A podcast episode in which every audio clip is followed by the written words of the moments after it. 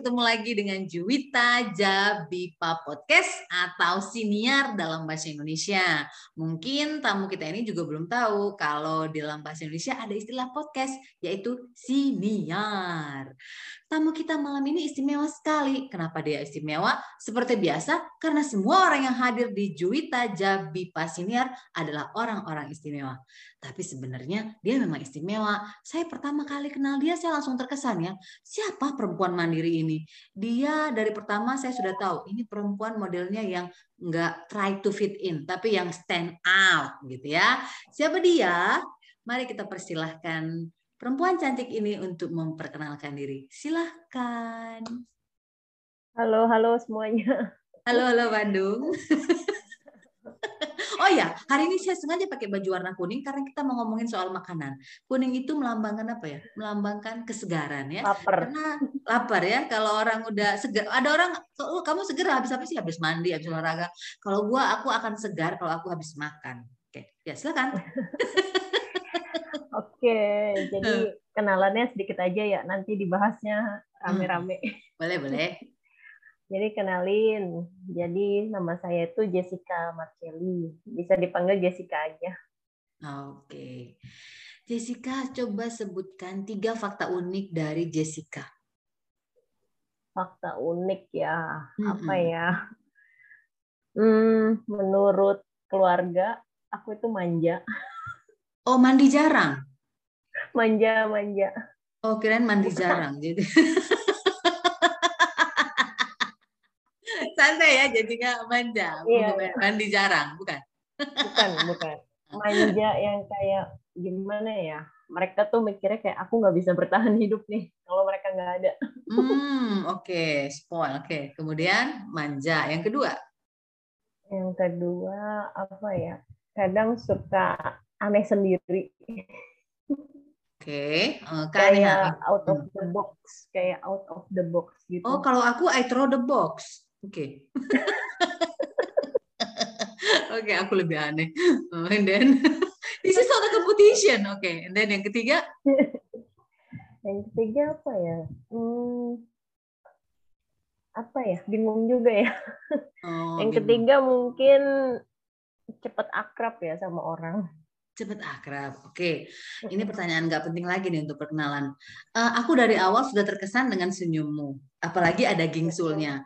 Sekarang aku mau tanya, udah ada berapa ribu orang yang kira-kira naksir pertama kali sama kamu karena ngeliat gingsulmu?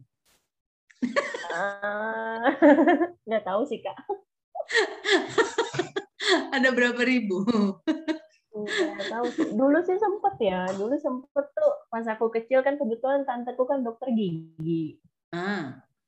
Jadi ada kayak problema gitu antara papi dan mami. Mereka mm -hmm. papiku bilang jangan dicabut. Mamiku bilang udah sana ke tante dibenerin dipasangin behel. Ah, terus?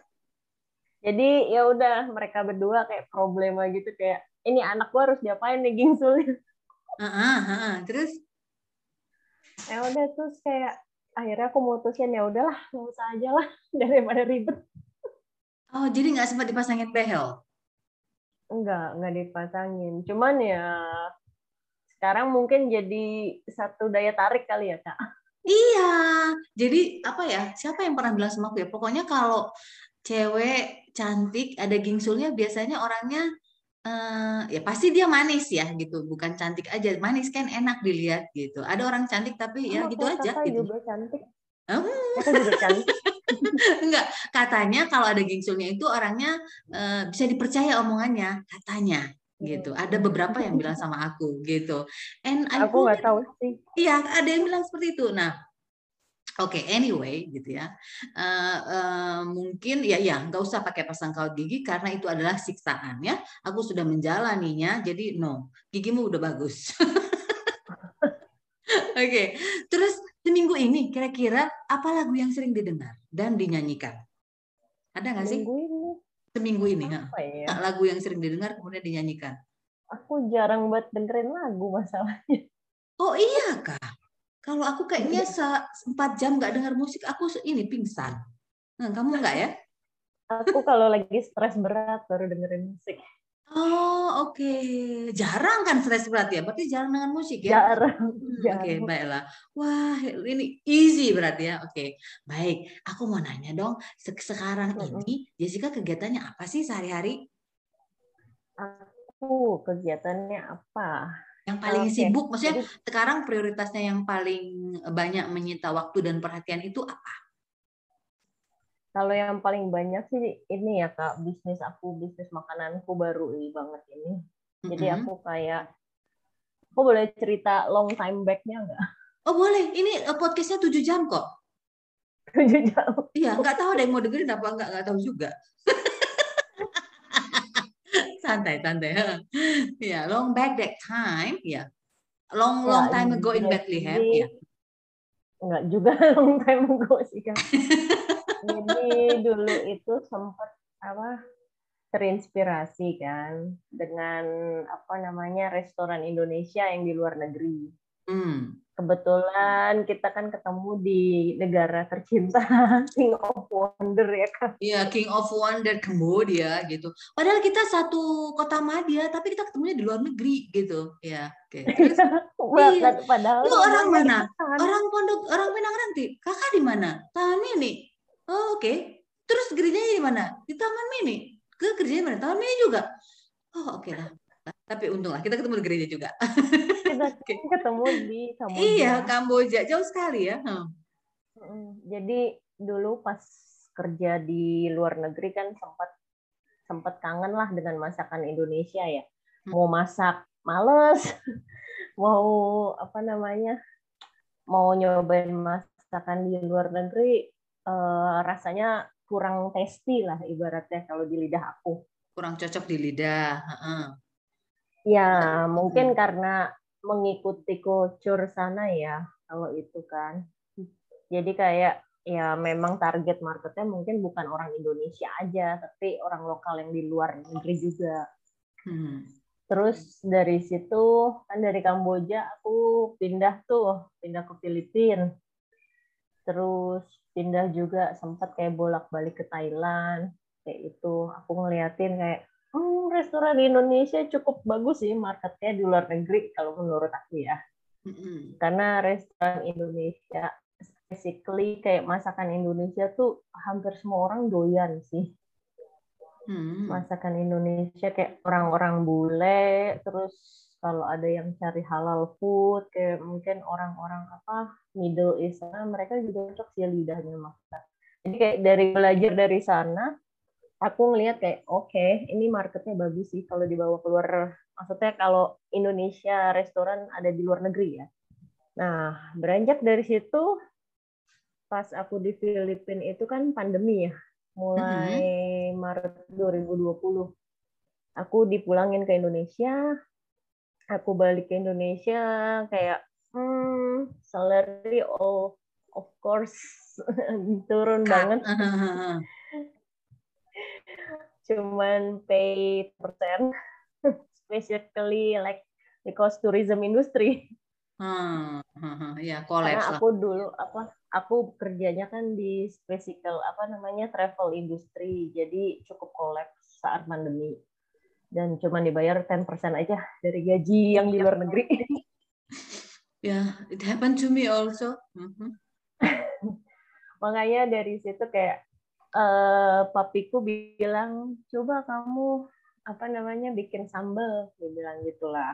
Hmm. Karena dulu dulu aku sempet sebelum kerja yang di travel ini, aku sempet punya warung makan lah, warung makan deket kampusku dan kebetulan kurang cocok dengan teman bisnisnya. Akhirnya kita bubar. Hmm. lalu setelah bubar kan aku kerja dan pandemi. Terus tapi bilang coba kamu bikin nih bikin sambel yang kamu jual waktu dulu itu yang sebelum kerja itu. Sambel mau diapain? Aku hampir lupa resepnya gimana cara buatnya gimana. Hmm, hmm, hmm.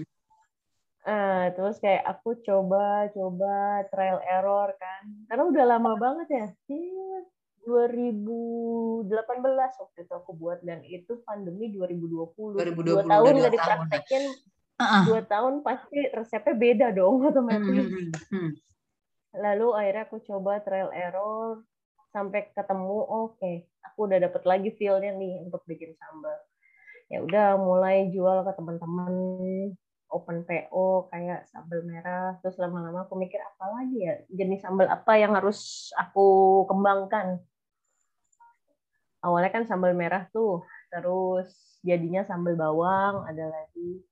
Sampai akhirnya aku kayak nanya ke papi aku bilang boleh nggak sih kalau aku buka restoran kecil-kecilan?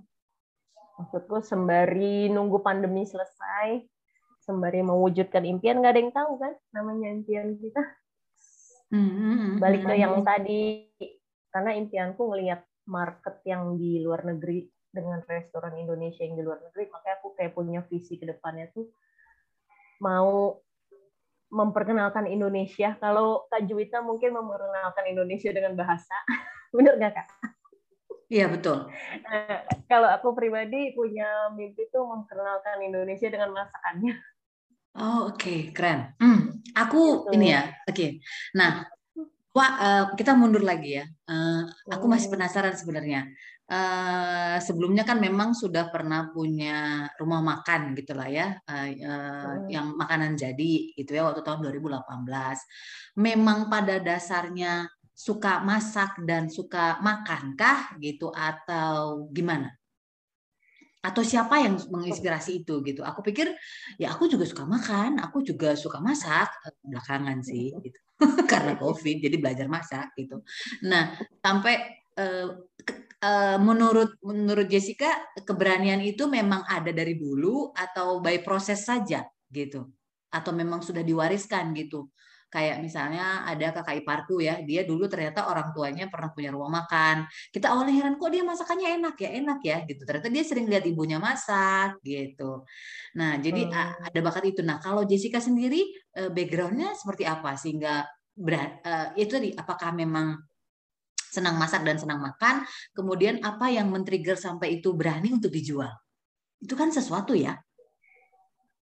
Iya sih uh, sebenarnya kalau dibilang pinter masak enggak. Cuman kita bisa belajar sih kalau apa soal masakan itu. mm-hmm. Emang enggak sekali jadi langsung plek enak, enggak, enggak Itu butuh sekitarnya lima kali coba pasti juga jadi kok. Mm-hmm. Pasti enak lah nanti pas udah dicoba kan kita tes dulu nih ke orang-orang, ke orang-orang terdekat lah, keluarga, teman ini gimana rasanya? Ini gimana? Ntar mereka kan pasti komen tuh kurangnya apa lebihnya apa. Dari situ baru disesuaikan oh, okay. kalau soal makanan Oke, okay, aku belum puas nih dengan jawabannya. Jadi misalnya gini, iya belum puas. Jadi gini, uh, aku pernah training waktu masih kuliah itu di uh, salah apa di salah satu hotel berbintang lima. Jadi oh. ada ada dapat ada dapat giliran di uh, di section uh, lounge, lounge-nya eksekutif lounge. Nah, jadi aku melihat gitu ya, uh, melihat orang makan, minum, santai gitu, aku seneng. Jadi aku sampai berkesimpulan begini, enak ya punya bisnis yang melihat orang-orangnya seneng jadi orang-orang yang kita layani itu senang gitu. Jadi, nah ini semakin mempertegas uh, pemahamanku, maksudnya konsepku tentang uh, kenapa sih uh, uh, Pak Yatno, uh, Bu apa, uh, Bu Bu apa lagi namanya? Kok lupa. Suami Bu Yanto namanya siapa? Bu Silvi ya, ya kan Bengawan Solo, restoran Bengawan Solo di, di Kamboja. Kamboja. Kenapa mereka uh, apa ya komit gitu? Ternyata ada ada ada kepuasan tersendiri ketika uh, apa ya ketika melihat orang makan gitu loh ya memang kita dapat duit karena kita masak kan gitu tapi hmm. juga apa ya oh, oh oke okay. uh, eh, ternyata itu di yang pengalamanku yang sebelumnya yang aku juga senang melihat orang-orang senang dengan masakan yang dibuat oleh chefnya itu ada kepuasan tersendiri gitu nah jadi waktu itu aku sempat waktu itulah awalnya aku pernah punya obsesi pengen punya restoran gitu itu awalnya hmm. oh enak ya ngeliat orang makan gitu loh uh, ya gitu nah kalau Jessica sampai punya keberanian gue mau jual makanan nih gitu apa yang men-trigger gitu loh Maksudnya apa ya? Kenapa nggak kenapa nggak jahit baju terus dijual atau apalah yang lain gitu? Huh. Apa ya kak? Mungkin karena di 2018 aku punya temen ya ya waktu itu. Kebetulan -huh. apa ya dia punya basic keluarganya bisnis lah. Bisnis makanan. Dan dia emang enggak dia bisnis yang lain. Kebetulan -huh. emang dia mau apa namanya dia juga mau coba makanan, coba bisnis makanan. Huh? Jadi ya udah kita bareng-bareng dari situ mungkin. Itu juga trial error kak untuk mendapatkan satu kesempurnaan. Oke, memang kayaknya Jessica ini tenang sekali ya, maksudnya ya ya itu tadi nah, nah kemudian kan dirimu uh, pergi ke Kamboja kemudian terkor terkonfirmasi lagi ketika pergi ke Filipina kok kayaknya enak ya jual hmm. masakan Indonesia dan saya sampai punya kerinduan aku pengen memperkenalkan Indonesia melalui makanannya gitu hmm. uh, sebenarnya kan sudah ada yang melakukan itu ya kan Eh, teman-teman kita di Kamboja sudah melakukan itu, teman-teman kita di uh, Filipina sudah melakukan itu. Apa yang menguatkan uh, hati Jessica sehingga aku juga mau melakukannya, gitu. Pertanyaanku terlalu hmm. berat nggak sih? Apa kayak udah pertanyaan Mario Teguh ini? enggak enggak. Sebenarnya sih kenapa ya? Kenapa hmm. kayak gitu? Karena aku ngelihatnya mereka cuma single person single person ya. Jarang ada yang buka cabang let's say Bengawan Solo ya. Uh, uh, kan hanya hanya ada di Kamboja tuh Bengawan Solo. Belum ada contoh mungkin nextnya mungkin ada Bengawan Solo cabang Las Vegas gitu ya. Oh oke. Okay. ya uh, misalnya. uh. kalau untuk buka cabang itu sih aku terinspirasi dari tempat kerjaku waktu itu. Huh? karena uh. dia cukup udah ada 100 cabang di dunia. Travelnya? Mm -mm. Oh, oke. Okay. Oke, okay, kayak dari situ aku mikir, oke, okay, berarti sebenarnya sistemnya cukup bagus kalau misalnya apa namanya, misalnya kita bisa jalaninnya ya. Mm-hmm. Kalau ketika punya banyak cabang, let's say satu satu apa satu restoran aja di tiap satu ibu kota lah, di Phnom Penh, di Manila, di Singapura, di Kuala Lumpur, mm-hmm. di Bangkok paling nggak kan kita udah ada lima cabang dari situ kak. Oh, oke, okay. baik. Kemudian kita masuk ke yang dengan namanya 1945. Kenapa 1945? Kenapa nggak 2020? Dihujat nanti kayaknya ya. Itu tahun COVID. I hate that year gitu kan. Nah, terus nah. karena Independence Day ya. Independence, Independence Year. year. Independence Year. Ha. 1945. Kenapa Indonesia Kitchen ya? Karena spesialisnya masakan Indonesia. Oh, Oke, okay. nah uh, sedikit soal bahasa gitu ya. Uh, salah satu hmm. yang gini, jadi mungkin uh, kita perbandingkan ya. Uh, kenapa sih Kak Jui pengen banget uh, jadi duta bahasa gitu? Kan udah banyak juga duta bahasa yang lain, ya kan? Pertanyaannya sama ya gitu. Kalau hmm. aku berpikir begini, uh, karena aku aku pikir aku bisa melakukannya dan aku yang pertama aku mau melakukannya. Kenapa mau melakukannya? Ya karena aku suka gitu. Aku suka, aku mau kemudian dan aku pikir aku mampu dan aku bisa melakukannya dengan cara yang berbeda gitu. Karena backgroundku berbeda dengan teman-teman yang aku kenal yang sudah melakukannya gitu. Jadi kalau teman-teman yang sudah melakukannya kan mereka memang pengajar, dosen gitu yang memang sehari-hari bidangnya itu. Satu. Kemudian aku juga merasa begini, selama aku bekerja kan memang tidak pernah bekerja di lembaga uh, Indonesia gitu. Selalu bekerja di lembaga asing gitu. Nah aku melihat memang Uh, kayaknya aku sudah waktunya nih menunjukkan kepada orang asing juga ini loh Indonesia juga bagus. Maksudnya bagus dalam artian gimana ya? Ya menunjukkan sesuatu gitu loh. Ter terlebih dalam hal ini soal bahasanya gitu. Jadi aku memang hmm sampai ke ubun-ubun semangatnya gitu. Sampai aku dianggap aneh juga sih gitu. Karena yang lain biasa aja kali Dwi gitu. Guanya nggak biasa. Guanya ini kayak achievement banget gitu kan. Makanya gue bela-belain sampai sekolah ke Unair sekolah ke ITB gitu kan untuk mendapatkan sertifikasinya itu gitu loh. Padahal hmm. sekolah yang gue tempuh biasa nggak ada aku sampai seniat itu gitu loh. Karena ya pertama karena latar belakang yang ku alami aku mengalami banyak pengalaman pahit jadi yang pahit uh, banyak yang pahit gitu kan jadi ya, ya ya tapi itu juga yang membuat aku kuat gitu Uh, kan harus disyukuri salah satunya. Oke, kembali ke soal masak. Jadi Indonesia merdeka di tahun 1945. Nah, kemudian kan di sini ada disebutkan, uh, aku juga jadi sensitif soal bahasa karena uh, termasuk uh, ini nih, kenapa nggak dapur Indonesia gitu loh? Karena kan Indonesia, kenapa kitchen gitu loh? Nah, uh, karena aku juga, hmm, eh, oke, okay, ini pertanyaanku juga sih. Apakah ya kenapa kitchen gitu? Kenapa nggak dapur Indonesia? Kenapa nggak dapur Indonesia? Uh -uh. Karena tadi yang aku bilang dari awal kak, visiku ke depan buat ke luar negeri. Oh, Oke. Okay. Kalau berarti nanti jadi, yang punya dapur Indonesia aku ya, karena aku yang jurusan bahasa Indonesia. aku yang belajar bahasa Indonesia karena gini, aku gini, jadi eh, kadang-kadang nih ya suka sebel gitu, suka sebel kan. Kita uh, uh, ada acara gitu ya di kantor atau di kampus gitu ya. Ini uh, uh, berbahasa Indonesia nih, bahasa pengantar bahasa Indonesia. Terus dia bikin PPT dong, PPT-nya bahasa Inggris gitu. Copy paste yang bahasa Inggris kan. Boleh diterjemahkan dulu gitu. Itu aku aku sejak aku belajar BIPA itu aku uh, rese yang gitu-gitu. Aku suka eh uh, gitu, suka suka terganggu gitu loh. Uh, jadi kalau aku sih mikirnya gini, um, uh, backgroundku juga kan um, sarjananya kan ekonomi gitu. Kita belajar marketing. Hmm. Jadi salah satu cara, salah satu kiat untuk memilih nama itu adalah pilihlah nama yang gampang disebutkan oleh banyak orang. Contoh produk yang gampang disebutkan uh, semua orang. Maksudnya semua lidah ketika menyebutnya itu sama gitu. Jadi kayak misalnya nama Jessica itu kayaknya semua suku bangsa juga uh, bisa menyebutkan Jessica gitu. Tapi ketika dia lihat C, dia mungkin akan membaca Jessica atau Jessica gitu kan. Nah, hmm. beda dengan Coca-Cola gitu kan. Itu kan itu penulisan. Kalau penyebutan jadi kayak Coca-Cola kekekela gitu kan. Misalnya orang Cina bilang kekekela atau iya. apalah. Tapi semua orang tahu gitu eh, menyebutkan Coca-Cola. Beda dengan misalnya apa ya? Uh, ayam taliwang, taliwang bisa nggak ya gitu atau apalah gitu yang susah namanya gitu atau laundry sengasek gitu kan yang Prancis punya itu. Nah ini eh, sempat kepikiran gitu juga nggak sih Indonesia Kitchen gitu.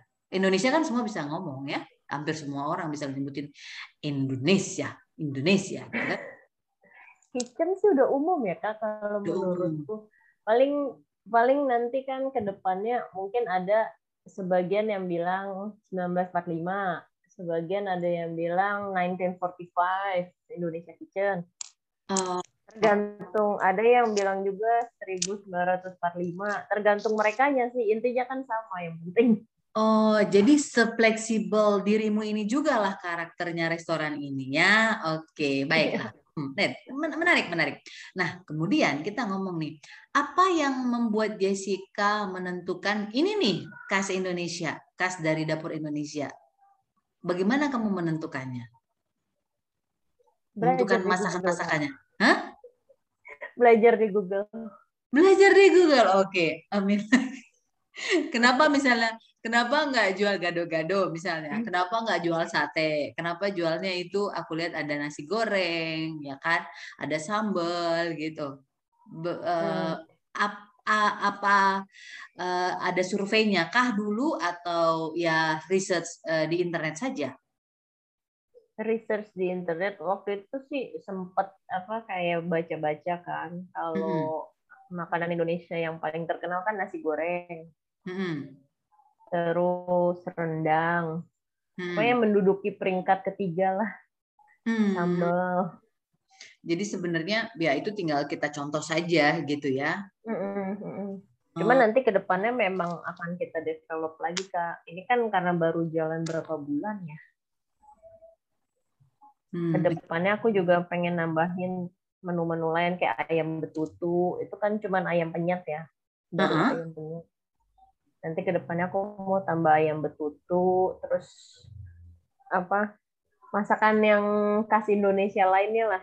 Cuman bukan yang main course maksudnya kayak bukan yang top worldnya di dunia gitu loh. Oke baik. Nah sekarang aku mau nanya nih.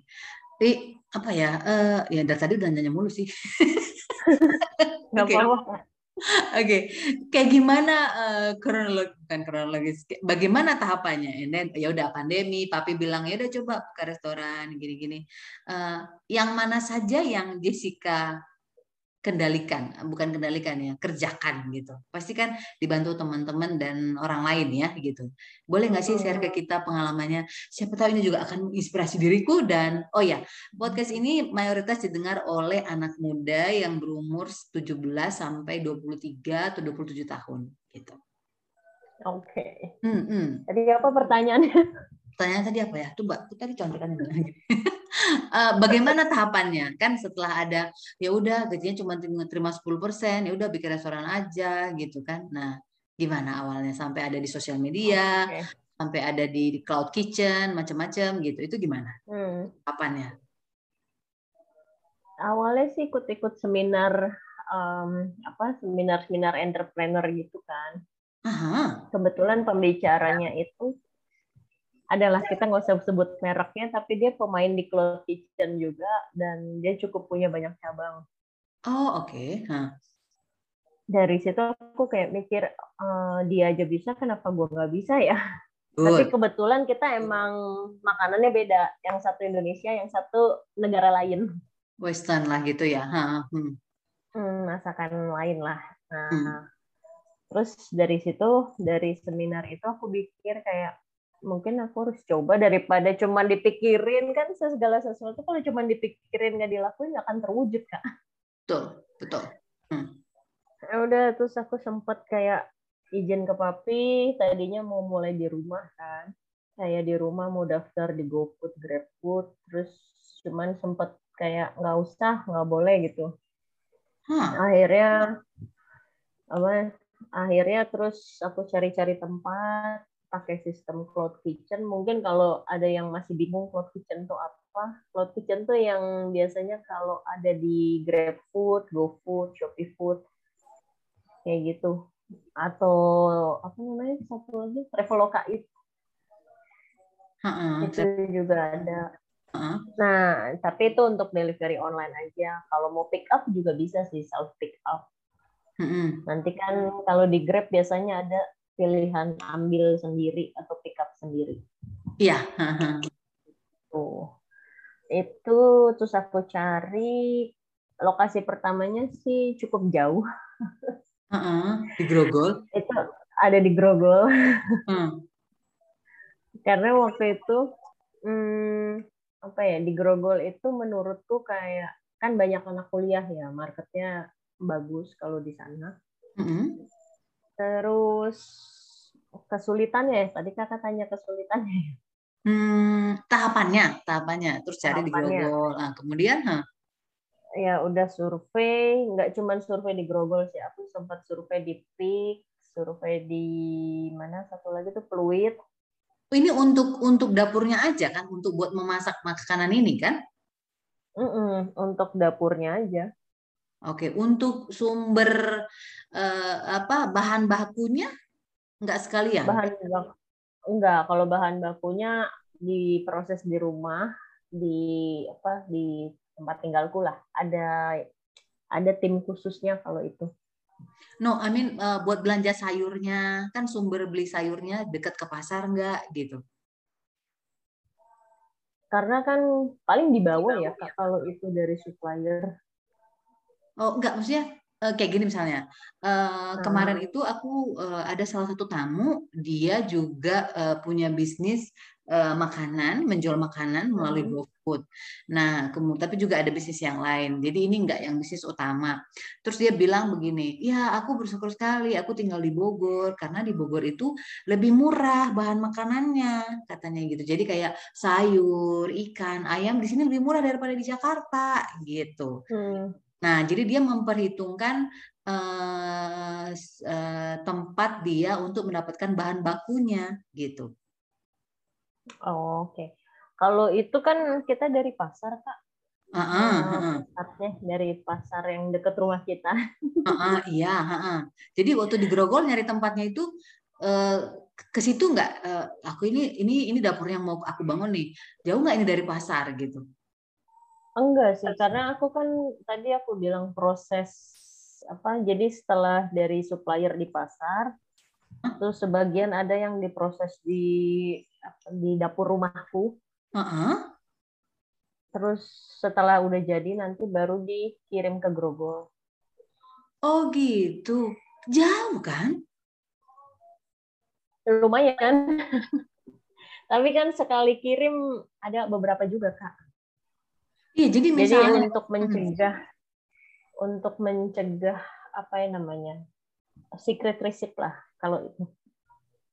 Iya, nah untuk storingnya oke, okay. terus kemudian nyari udah survei di Pik, survei di Grogol, ini dapatlah di Grogol. Ini tahapan berikutnya apa? Tahapan berikutnya nyari barang. Nyari barang. Nyari kompor, nyari meja, nyari kulkas, nyari anything inside the kitchen. Oke, okay. untuk storage-nya gitu ya? Iya, Hmm. Itu lumayan struggling sih untuk nyari barang-barangnya ya. Kan kayak aku harus press budgetnya juga. Mm-hmm. Terus ya aku cek-cek di Google sih kebanyakan hidupku mungkin dari Google ya kan. Oke, baik. Ini menarik. Aku cari store-store-nya. Ini menarik. Um, uh, apa ya? Uh, semuanya ini gitu kan tadi dilakukan melalui ya ya independen sih sebenarnya ya. maksudnya dirimu mandiri Google Research begitu. Dicatat nggak? Apanya? Uh, tahapan-tahapan ini. Jadi aku hari ini mau ini kemudian ini ini gitu atau ada di dalam kepala semua. Jadi sehingga di checklist gitu oh, ini Enggak, udah. aku bikin schedule schedule aku schedule. bikin schedule kalau itu schedule. Ya, biasanya aku schedule schedule kak iya schedule lah schedule untuk ke pasar gitu apa gimana schedule untuk hunting atau schedule yang kayak tadi ini misalnya mau cari kulkas di toko ini hmm, cari hmm, hmm. kulkas di toko ini hari apa terus cari ini di toko ini itu aku biasanya aku jadwalin hmm. hmm. Oke, jadi jadwalnya itu saja. Kemudian, hmm. misal, um, hmm, lalu, nah, habis itu? Lalu daftar GrabFood, GoFood, Shopee Food, any any food online. Any food online. Nah, terus iya. itu text time sih. Kayaknya hampir dua minggu ya untuk approve-nya. Oh, dua minggu ya. Apa saja persyaratan yang dia minta? Biasanya sih cuma NPWP, Kak. NPWP sama foto store-nya, sama apa namanya itu satu lagi? Buku tabungan harus ada saldonya gitu? Kayak kita mau juga. ke luar negeri harus ada saldonya enggak, berapa enggak. gitu? Enggak ya? Enggak foto foto depannya doang. Oh, oke. Okay. Jadi ini benar nih. Yang orang. penting yang penting kan kayak tanda tangannya sama tuh. Tanda uh. tangan, terus ada nomor rekening, sama nama banknya, sama apa KCP-nya ya kalau itu. Uh -uh. KCP okay. atau itu. Oke, okay. and then kemudian yes, dua minggu selesai terdaftar lah itu sudah di semua food online, and then what's next? Hmm. Bagaimana dengan human? Uh, bagaimana dengan tenaga kerjanya? Itu kapan prosesnya? Itu terakhir banget, terakhir banget dan itu paling sulit ya. Oh really? Oke, okay. menarik nih. Kenapa sulit? Karena kayaknya emang lebih gampang berhubungan dengan benda mati ya daripada dengan manusia yang pengen ku kepret-kepret. kayaknya semua pebisnis aku yakin sih semua pebisnis pasti apa struggling dengan karyawan ya. Oh iya kak uh -uh, oke. Okay. nah, terus? Itu pasti. Uh, kalau di aku sebenarnya yang penting gini loh. Dia mau ada pengalaman atau nggak ada pengalaman nggak masalah. Yang penting nih anak bisa apa ya ada self development gitu. Jadi aku ajarin A dia udah ngerti A nih. Dan hmm. dia nggak akan nanya-nanya berulang kali berarti hmm. ngerti kak? Paham kak? Ngerti. Paham paham. Tapi kan uh, orang beda-beda. Ada yang dia nanya tujuh kali baru paham. Kayak aku misalnya mungkin 27 iya, kali. iya makanya. Makanya di situ aku strugglingnya di situ. Uh. untuk dapetin. Dan kemarin tuh lumayan loh. Maksudnya mereka tuh aku cukup kasihan sih pas interview karena anda bekas bekas-bekas apa sih namanya hotel-hotel chef hotel, mereka pada kena kerja.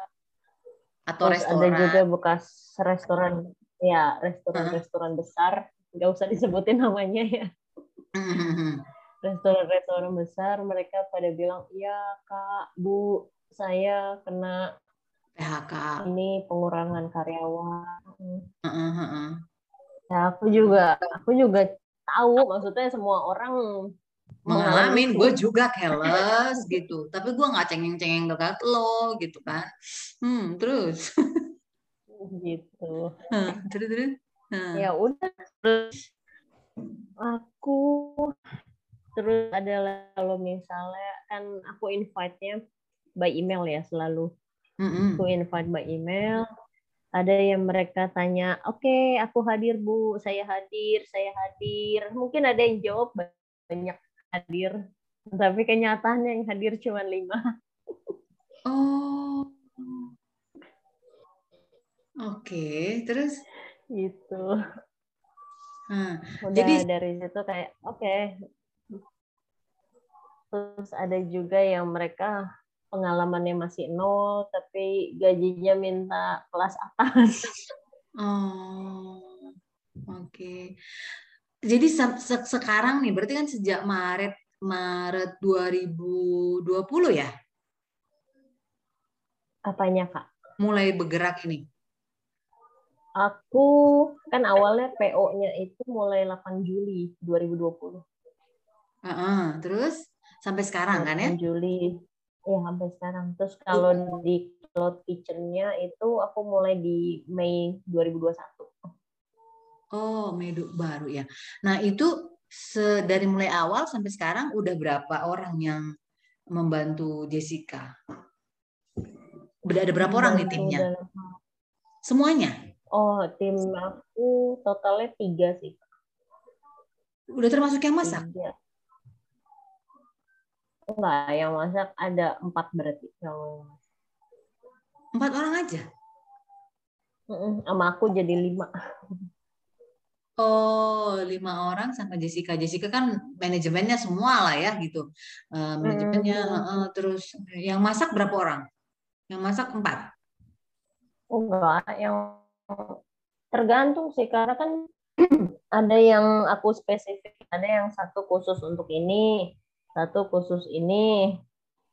Jadi hmm, kalau aku gimana ya?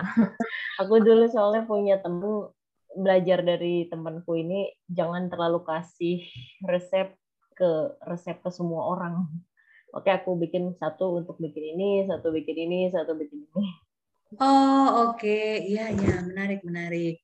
Jadi sebenarnya ya si rahasianya ada tetap dirimu yang pegang gitu ya Jessica yang pegang hmm, gitu ya. oh, oke. Okay. nah yang lima orang ini jadi ngomongin orang nih. Nggak tadi ngomongin apa coba? Nggak tadi ngomongin kucing? Nggak orang juga. Ngomongin tumbuhan. Nah dari yang lima orang ini um, dari awal memang sudah membayangkan uh, akan memperoleh apa ekspektasinya memang uh, gini uh, yang diperoleh sekarang ini ini sudah memang ekspektasi yang diharapkan kah dari sejak awal mereka direkrut? Prosesnya panjang kak, mereka bukan orang pertama. Oh, prosesnya mereka bukan orang pertama. Oh. Okay. Iya, untuk ibaratnya kayak nyari jodoh kali ya kak. Nyari, nyari, nyari. Gimana nyarinya? Aku nggak pernah nyari. Hilang di mana? Kok dicari-cari? Nggak cocok, keluar nggak cocok keluar tapi aku punya prinsip nggak pernah mau mencat orang kalau aku prinsipnya Oh, okay. Jadi kalau Terus, emang mereka mau resign, udah resign dengan baik-baik. Kalau alasannya apa, ya udah aku izinin.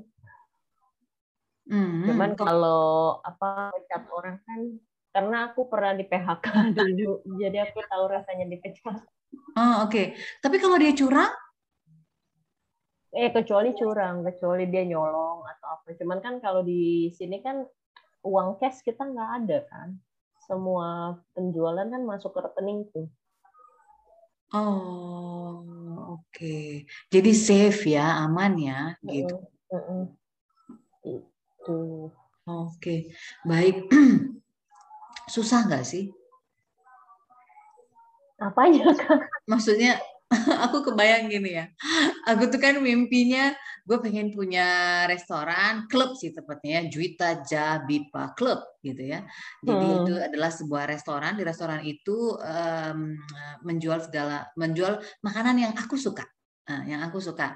Oke okay lah, mungkin ada beberapa yang represent Indonesia yang aku suka. Misalnya, aku uh, baru tahun ini uh, ternyata aku suka makan uli. hmm enak loh itu uli. Iya aku tahu uli. Nah uli kan terus ternyata dibikin sama teteh jadi biasanya kan uli itu ya pakai ketan aja gitu kan. Karena aku udah tahu bumbu gitu kan. Kan e, karena pandemi hmm. juga jadi belajar masak kan. Oh dikasih bumbu ini aja ini aja. Jadi ada rasanya gitu. Jadi uli aneh. Gitu. jadi aku akan menjual makanan yang aku suka. Baik itu makanan dari Indonesia ataupun dari luar angkasa. Gitulah kira-kira. Hmm. Kemudian ada klubnya, ada klubnya, ada ada ada panggungnya, ada panggungnya orang boleh nyanyi dan terlebih lagi ada dikondisikan untuk stand up comedy gitu untuk orang open mic hmm. dan untuk orang mau show. Kemudian masuk ke belakang ke dalam lagi itu ada kelasnya. Kelasnya memberikan pengajaran bahasa Indonesia untuk orang asing dan untuk orang Indonesia yang mau memantapkan bahasa Indonesianya gitu. Dan paling belakang lagi ada kolam renang. Aku semua mau ya. itu rencana aku seperti itu. Jadi aku pengen punya klub itu sih sebenarnya. Nah tapi soal masak ini apa itu tadi uh, dan kan sering denger ya bisnis makanan nggak pernah rugi. Menurut kamu itu benar ya? Setelah yang udah kamu jalan kan aku kan cuma apa mengikuti kata apa menstatement ulang kata orang gitu ya mengatakan ulang kata orang. Tapi kan aku belum mengalami itu karena aku belum pernah bisnis. Menurut Jessica sendiri sebenarnya bisnis itu makanan ya khususnya uh -uh. makanan uh -uh. sebenarnya semua orang pasti makan kak kalau itu cuman yeah. kalau apa namanya kalau aku tuh percaya hmm, biasanya tuh orang yang gimana ya calon customer kita tuh mirip-mirip dengan kita lah habitnya oke gimana tuh maksudnya gimana ya kalau kakak suka makan suka apa atau kakak baik nih sama uh, sama penjual. Kakak baik nih, let's say kakak makan di satu tempat makan. Hmm. Kakak orangnya baiklah, humble gitu ke penjual itu. Hmm. Ya the same way juga si penjualnya baik ke kakak. Kayak cerminan hmm. gitu kak. Oke, okay. uh-huh. maksudnya penjual. Jadi kita kayak gimana? Uh, jadi penjual itu gimana pembelinya gitu? Iya bingung ya Iya, maksudnya gimana nih? Saya kayak gini, contoh ya. Aku itu um, salah satu kenapa aku memilih aku gini uh, konsisten sih, misalnya gini. Um, ada uh, kayak misalnya gini uh, makan gitu ya, makan let's say uh, makan mie. Ada satu warung oh. makan, rumah makan dia menjual mie gitu. Kenapa biasanya aku selalu ke dia gitu atau sering ke dia nggak usah selalu les. Misalnya kalau pengen hmm. mie pasti nyari dia gitu. Biasanya alasan utamanya adalah karena dia konsisten gitu loh. Jadi jarang kecewa pulang dari situ dengan rasanya. Kalaupun orangnya jutek atau gimana itu mungkin bisa jadi yang kesekian kalinya gitu. Tapi untuk sekarang kan udah agak susah ya gitu. Artinya susah dalam artian gini, yang punya makanan enak banyak, yang punya makanan hmm. gurih banyak, yang murah juga banyak gitu. Tapi yang melayani dengan baik kan nggak banyak gitu. Tapi aku juga iya menemukan juga sih banyak restoran pelayannya iya kak ini kak ini kan tapi bodoh-bodoh gitu loh. Maksudnya gini, kayak kemarin kan kayaknya no thank you very much gitu ya. Aku begini, kan di waktu kita di Kamboja, nah kita bandingkan ya misalnya, tapi itu nggak nggak pasti membandingkannya karena kan mereka kecil ya, kita kan besar kan memang lagi menjamur warung kopi warung kopi gaul gitu kan. Nah terus hmm. uh, oke okay lah warung kopi warung kopi gaul. Nggak murah juga gitu kan nggak murah juga di atas dua puluh ribu juga gitu kan. Terus nanti uh, itu tadi uh, dia gayanya sih bagus gitu ya gayanya bagus. Tapi kopinya biasa aja gitu satu. Oke okay, mungkin kopinya enak. Hmm. tapi mbak-mbaknya bodoh gitu. Misalnya bodoh misalnya gini mbak uh, wifi-nya apa? Uh, kebetulan lagi mati. Hmm, gitu. Malah sudah gitu uh, ini ininya ada nggak gitu kan? Oh lagi habis. Hmm, hmm, gitu. Tapi malas aja gitu. Aku kayak gitu gitu biasanya ke laut aja lau tutup aja warungmu ini gitu kan. Aku Kalau suka itu biasanya itu kak. Apa namanya manajemen karyawan ya. Manajemen sumber daya manusianya. Nah itu dia gitu. Makanya aku pikir uh, dulu ya aku pernah tinggal di Kalimantan itu juga sebenarnya menginspirasi aku di Kalimantan itu ada satu rumah dia rumahnya aja biasa gitu rumahnya gitu. terus dia jualan hanya hmm. untuk makan siang hmm. Nah, aku sempat cerita. Jadi dulu kan setelah uh, mama meninggal, mamaku meninggal, jadi laku yatim piatu kan gitu. Terus rumah mama itu yang nempatin jadinya uh, iparku yang tadi ibunya pintar masak dulunya almarhum juga gitu. Rumahku itu luas gitu. Jadi aku hmm. kebayang kayaknya rumahku bisa dibikin beginilah gitu. Dan itu kami sering uh, ada beberapa kali makan siang ke tempat uh, yang aku bilang dia cuma jualan untuk makan siang dan itu di rumahnya kayak di meja makannya dia kita makan gitu loh. Makan di meja makannya dia uh gitu, dia masak gitu.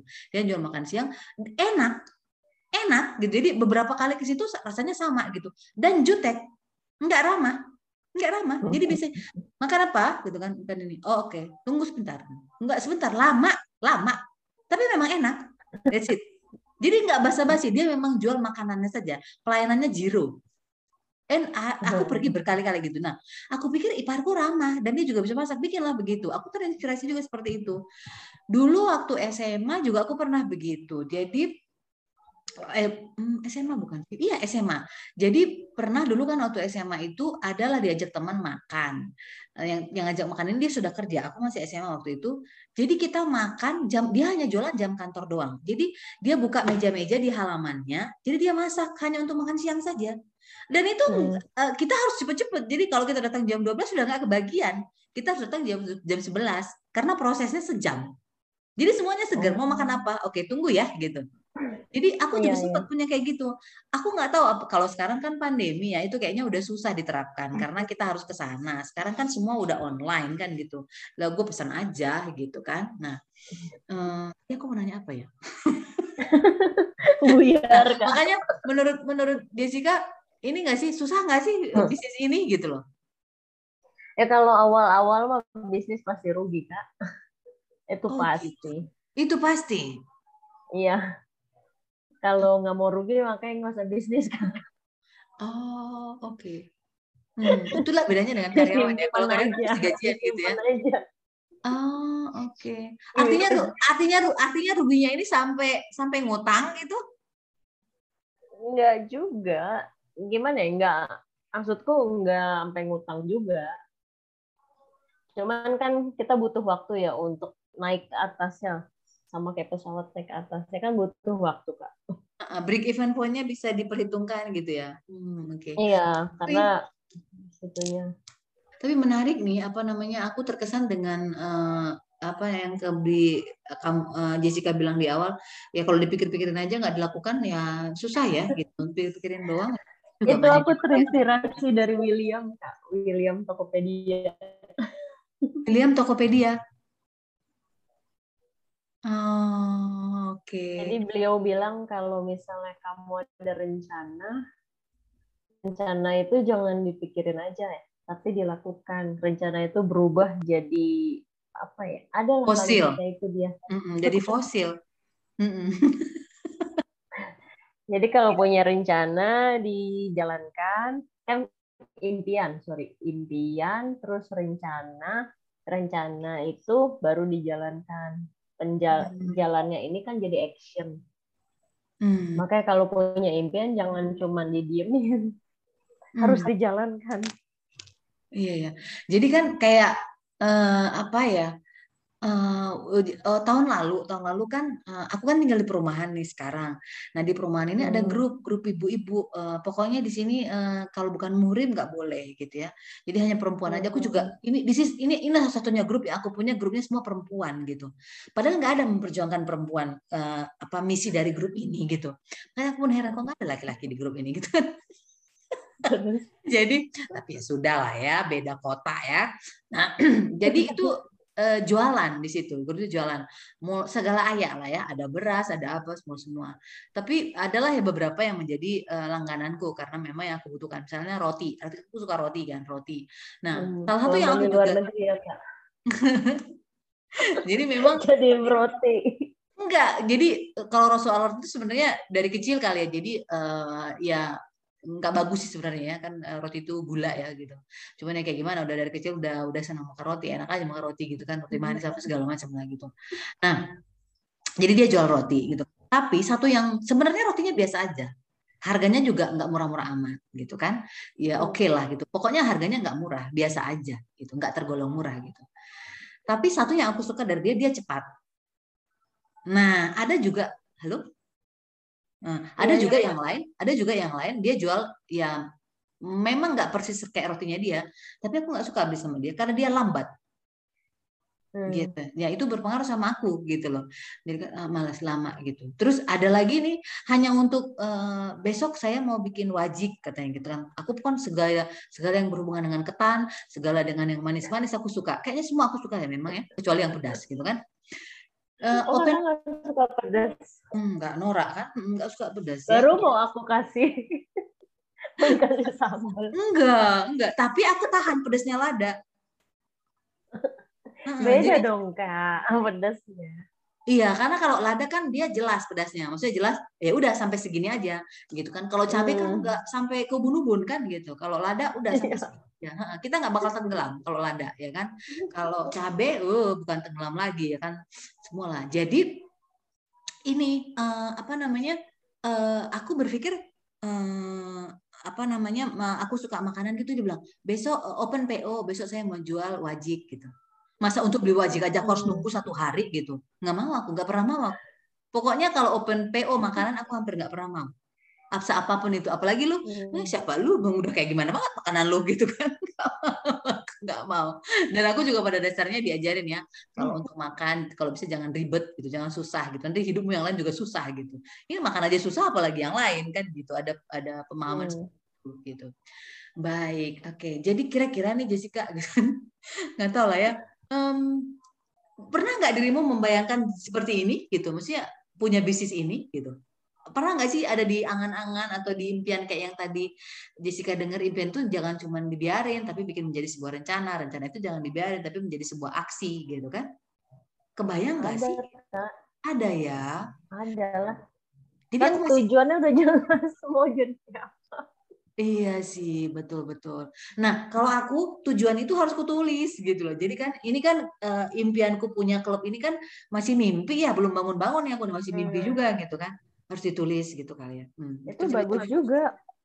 Ada tuh kan di apa namanya Instagramnya Gracia Poli. Gracia Poli. Kakak lihat nih. Uh -huh. Jadi dia itu tulis kalimat afirmasi kalimat afirmasi itu kayak kalimat yang positif lah. Ya, afirmasi, afirmasi untuk mem hmm. memantapkan lagi. Iya, jadi kakak tulis aja ntar. Itu juga aku juga kebetulan aku emang sama kayak si Gracia Poli, aku suka tulis. Cuman Gracia Poli kan tempel di kaca, di cermin. Hmm. Kalau aku nggak, itu aku tempel di dinding. Oh, Oke. Okay. Jadi hmm. kayak misal yang aku baca waktu itu si Gracia Poli itu bisa serve bagus, servis mm -hmm. apa? Servis bulu tangkis bagus. Terus menang juara Tokyo Olimpiade. Mm -hmm. Nah, itu ntar kakak bisa tuh coba tuh kakak tulis tulis di kertas, mm. secari kertas, tulis mau punya apa A B C D E F G.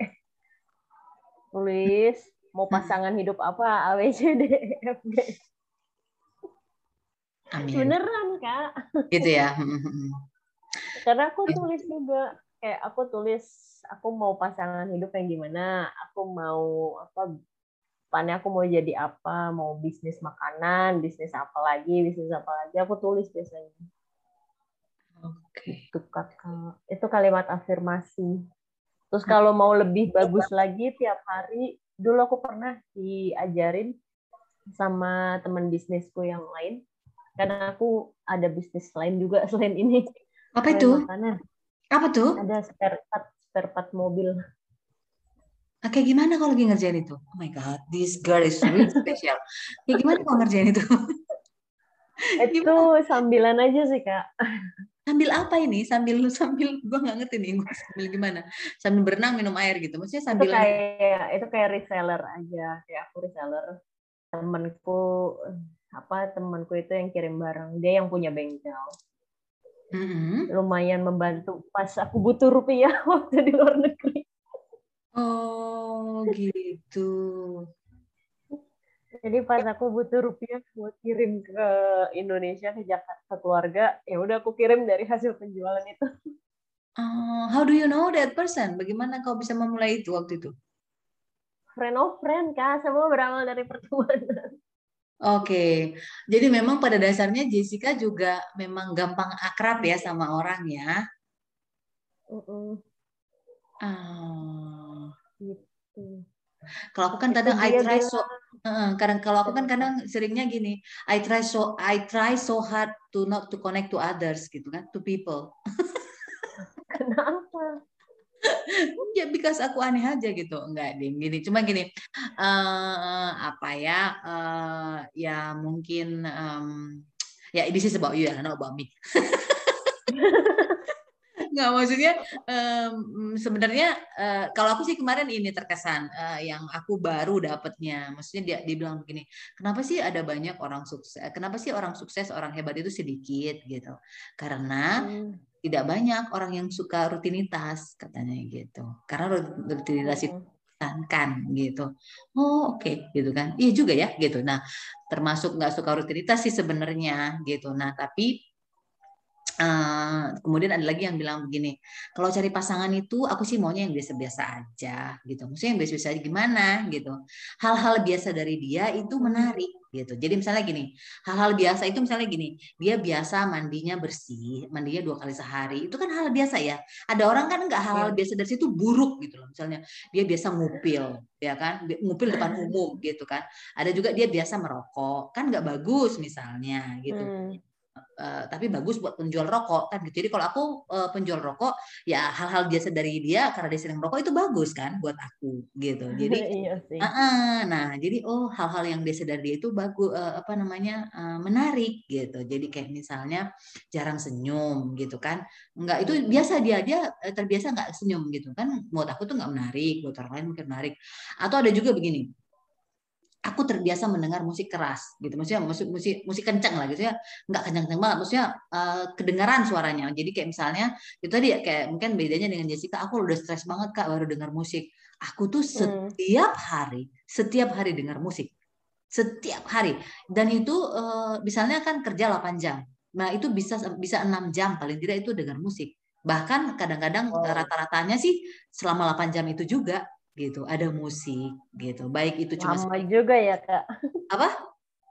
Lama juga sampai enam jam dengerin musik. Iya sambil bekerja. Oke. Okay.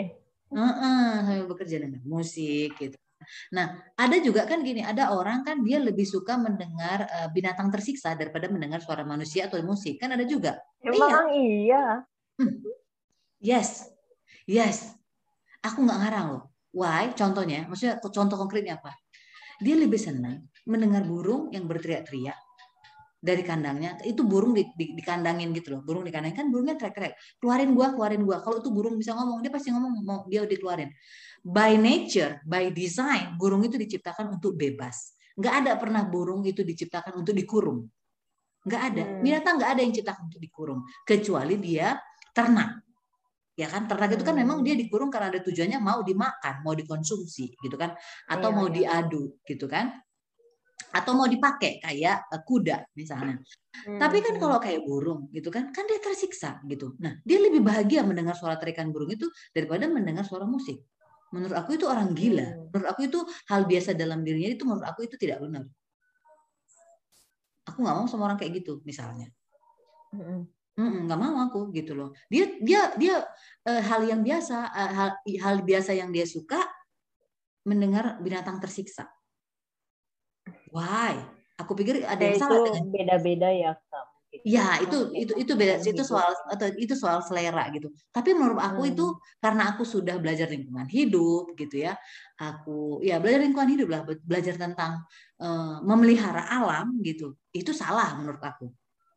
Hmm. terlepas dia punya pembelaan apa pun gitu hmm, itu aja sih gitu dan uh, itulah kayak gitu nah, ya oke okay. hmm, jadi panjang nih ya oke okay. Jessica ya ya apa namanya uh, seperti biasa ya uh, para pemirsa Jessica ini uh, orangnya santai ramah dan menyenangkan ya gitu artinya kelihatannya dia sih dia santai ya, kelihatannya sih dia kalem, tapi ternyata sebenarnya dia ini punya banyak ambisi dan obsesi, ya kan? Ya kan air tenang menghanyutkan, ya kan? Banyak obsesinya. Iya banyak obsesinya. Baik, Jessica terima kasih banyak sudah mau ngobrol-ngobrol sama Juwita Jabipa malam ini. Aku senang sekali apa ya. Aku juga ikutan kalem tapi yakin gitu ya. Karena kan aku biasanya orangnya kan kalau nggak eh, semangat sekali udah diem aja gitu kan, males gitu kan. Jarang yang uh, in between gitu kan, jarang gitu. Itu hmm. Proses itu sebenarnya.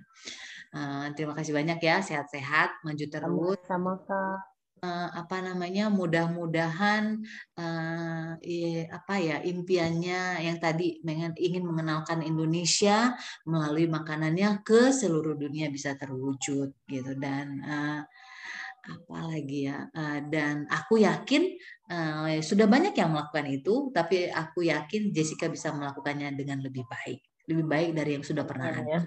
Iya. Amin. Iya. Sehat terus ya, semangat ya. Nah, sebelum iya, ini Sebelum ini kita akhiri, ada pertanyaan, 13.000 eh, pertanyaan, cepat. Ya. Banyak banget. Banget banget ya, yang Jessica harus jawab cepat ya. Oke. Kalau Siap ya? Gimana, Kak? Nah, kalau nggak cepat nanti aku ini, aku pencet, cicit, gitu biar cepat ya. Pencet cepat ya. Oke. Okay, sebutkan, okay. sebutkan tiga nama dalam kehidupan Jessica yang sering bikin Jessica tertawa. Tertawa. Bambang. Michael. Michael. Siapa lagi ya satu lagi? Oh, Nindya. Nindya, oke. Okay. Kapan terakhir Jessica nangis sedih sampai terseduh-seduh? Nangis terseduh-seduh. Kapan ya? Aku lupa. Oh, Oke okay. kan dia kan tuh kan dia orang yang kuat, dia perempuan yang tegar tuh orang salah orang tuanya bilang kalau dia manja tuh salah besar. Oke, okay. um, karena ini bisnis makanan ya, sebutkan lima sayur yang berwarna kuning. lima sayur berwarna kuning sayur nangka apa lagi ya hmm. nangka itu buah bukan sayur tapi ada kak sayur kuning sayur nangka dia kuning gak itu kuning loh. Masih yang mudanya kan? Nangka muda kan? Baby jackfruit kan? Iya itu. Oke karena yang kayak di Padang itu. yang kayak di warung Padang. Ya oke. Okay. itu mm, intinya kuning kan oke okay, oke. Okay. baiklah baiklah. Walaupun itu nilainya mm, ini ya. Itu kalau satu sampai sepuluh nilainya dua kayaknya. Oke yang kedua. Apa ya? Sayur kuning. Sawi kuning sawi kuning oke okay, pas oke okay, pas ya kalau nggak bisa pas ya hmm, pas okay. pas pas oke okay. sebutkan lima bumbu yang warna dasarnya mirip-mirip kuning lima bumbu herbs Rempah maksudnya? Rempah, ya.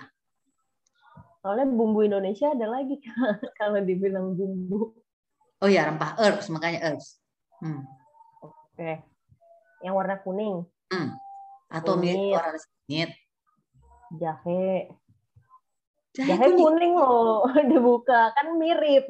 mirip Oke, okay, baik. Kemudian terus. Hmm. Uh, temulawak. Oke. Okay apalagi itu satu ya kencur no it's white I Keren kakak nggak tahu I know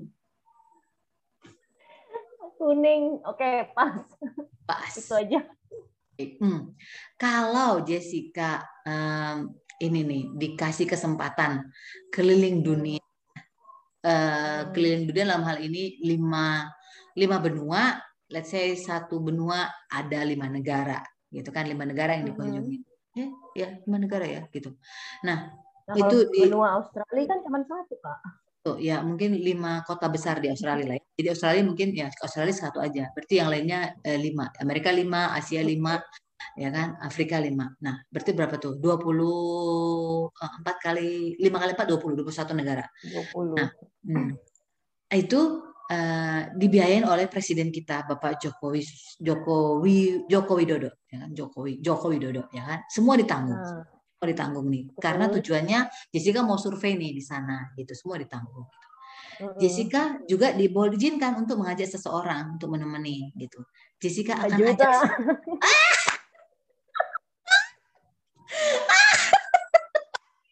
Oke, okay, baiklah. Padahal tadi kalimatnya bagus saya kan. Iya, agak agak Bella. Oke, okay, sip sip. Oke. Okay. Dalam hidup kita kan sering dapat saran atau nasihat dari orang tua atau siapa pun yang kita look up to gitu ya, siapa yang kita hormatin gitu ya. Hmm. Apa nasihat dalam hidup yang Jessica uh, anggap bagus dan itu Jessica sering berbagi ke orang lain juga? Ada nggak sih? Banyak ya kak. Oh, dua aja. Tapi dua. nasihat dari temen, nasihat dari temen jarang. Karena teman-temanku jarang ngasih nasihat. dua aja nasihatnya. Apa? Paling dari orang tua ya. Mereka ngajarin kan uh, berteman dengan siapa pun. Mm -hmm. Tapi tidak menjadikan dirimu seperti mereka. Kalau misalnya berteman dengan apa ya contoh pemalas, ya nggak usah males juga. Oke. Okay. Terus yang kedua itu yang tadi yang kalimat afirmasi. Oh, oke. Okay. Karena yang aku bilang yang temen bisnis perpatku itu dia yang ngajarin sih. Dia salah satu teman yang bermanfaat ya. Oh, oke. Okay. Aku akan ikutin. Baik. Hmm, keren keren. Jadi okay. dia ngajarin untuk tulis semua di apa? di dinding. Di semua impian ditulis di dinding dan di apa ditempelin. Nah, sekarang nih, hmm, uh, sebutkan tiga penyesalan dalam hidup yang kayaknya gimana gitu, cukup membekas. Yang sekarang mungkin bisa kita ketahui. Ada nggak sih? Apa ya? Karena komedi itu tragedi plus time itu komedi. Dulu mungkin ah, sekarang kita menyesal dan kayaknya ya udahlah diketawain aja gitu. Ada nggak sih? Hmm, nggak ada sih kak. Iya udah Semua pembelajaran. Semua pembelajaran ya, nggak ada yang di regret ya. Oke. Okay. Nggak ada. Hmm, oke. Okay. Kalau Jessica terlahir kembali, ada nggak sih hal hmm. dalam diri Jessica yang pengen Jessica perbaikin? Misalnya kan sekarang umurmu anggaplah 21 gitu ya. Kalau kalau kamu hmm. kembali ke usia 17, ada nggak sih yang pengen diperbaiki? Nggak ada. Nggak ada ya. Bagus. Ini pertanyaan terakhir. kalau kamu dikasih kesempatan makan malam romantis, eh belum belum, ini ini pertanyaan kedua, dua terakhir. Sebutkan tiga binatang. Nggak konsisten banget nih pembawa acaranya. Sebutkan tiga binatang yang kentutnya Jessica pernah dengar langsung. Ada kentutnya astaga. Ada anjingku. Pernah dengar? Didengerin? Pernah dengar? Pernah. Iya. Oke. Okay. Yang kedua? Sama kucing ada di rumah. Jessica dengerin terlintas gitu kedengeran gitu? Enggak, kan lagi disayang-sayang kan lagi dielus-elus. Uh-uh. Terus tiba-tiba nggak tahu kayak bunyi gitu. Sopan, namanya juga binatang ya. Hmm. Ini pertanyaan terakhir. Ini beneran terakhir nih. Gitu. Kalau Jessica dikasih kesempatan makan malam romantis dengan seseorang, baik hmm. itu selebritis atau tokoh penting yang masih hidup ya, kira-kira Jessica hmm. mau makan malam dengan siapa? Dan itu harus laki-laki. Uh-uh, dengan laki-laki. hati-hati. Oh, dengan laki-laki. Iya, dengan laki-laki. Kalau dia udah punya istri, nggak bisa dong, Kak. Bukan romantis lagi. No, mm, mm, mm, mm. ya kan makan malam romantis aja, cuma makan malam yang nggak mau ngapa-ngapain, nggak mau ngapain, cuma makan malam aja. kan kalau udah punya, udah punya istri nggak bisa kak. Iya mungkin dia nggak bisa romantis sama istrinya, gimana dong? Berarti bukan makan malam romantis. Kak. Malam apa? Makan malam istimewa. Ya, makan malam istimewa mungkin. Eh, dilalat ya. Oke, kalau kamu dikasih kesempatan malam istimewa dengan seseorang, istimewa itu kan nggak harus laki-laki gitu. Ini yang harus laki-laki. Habis kalau romantis kan kesannya kan mau menuju pacaran gitu kak. Enggak juga. Enggak juga ya. Enggak, labelnya aja. Ini untuk labeling labeling saja. Bingung aja. ya dengan siapa? kalau aku nyebut satu, Toto udah punya istri kan berapa Enggak juga, kan baru disebut doang. Hmm. Siapa ya? Enggak ada kayaknya.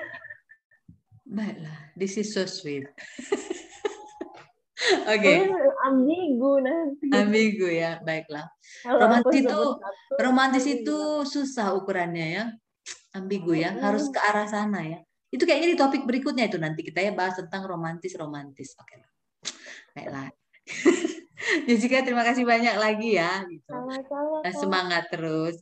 Uh, para pendengar Juwita Jabi Pasiniar itu tadi obrolan santai kocak manis kita dengan uh, perempuan yang juga kelihatannya tenang ya seperti tadi kelihatannya santai tapi sebenarnya punya banyak obsesi dan itu berhasil ya Ya, semoga para pemirsa bisa mendapatkan sesuatu, baik itu hiburan, informasi, atau apa pun itu yang bisa memberikan manfaat positif bagi kita semua.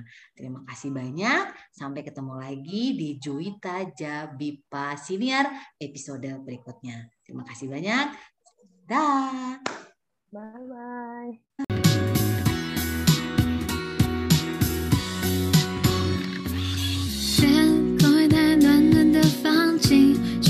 下一场大雨，我和你撑伞雨中穿行，收集每个点点滴滴。喜欢你瞪着的大眼睛，对什么事情都很。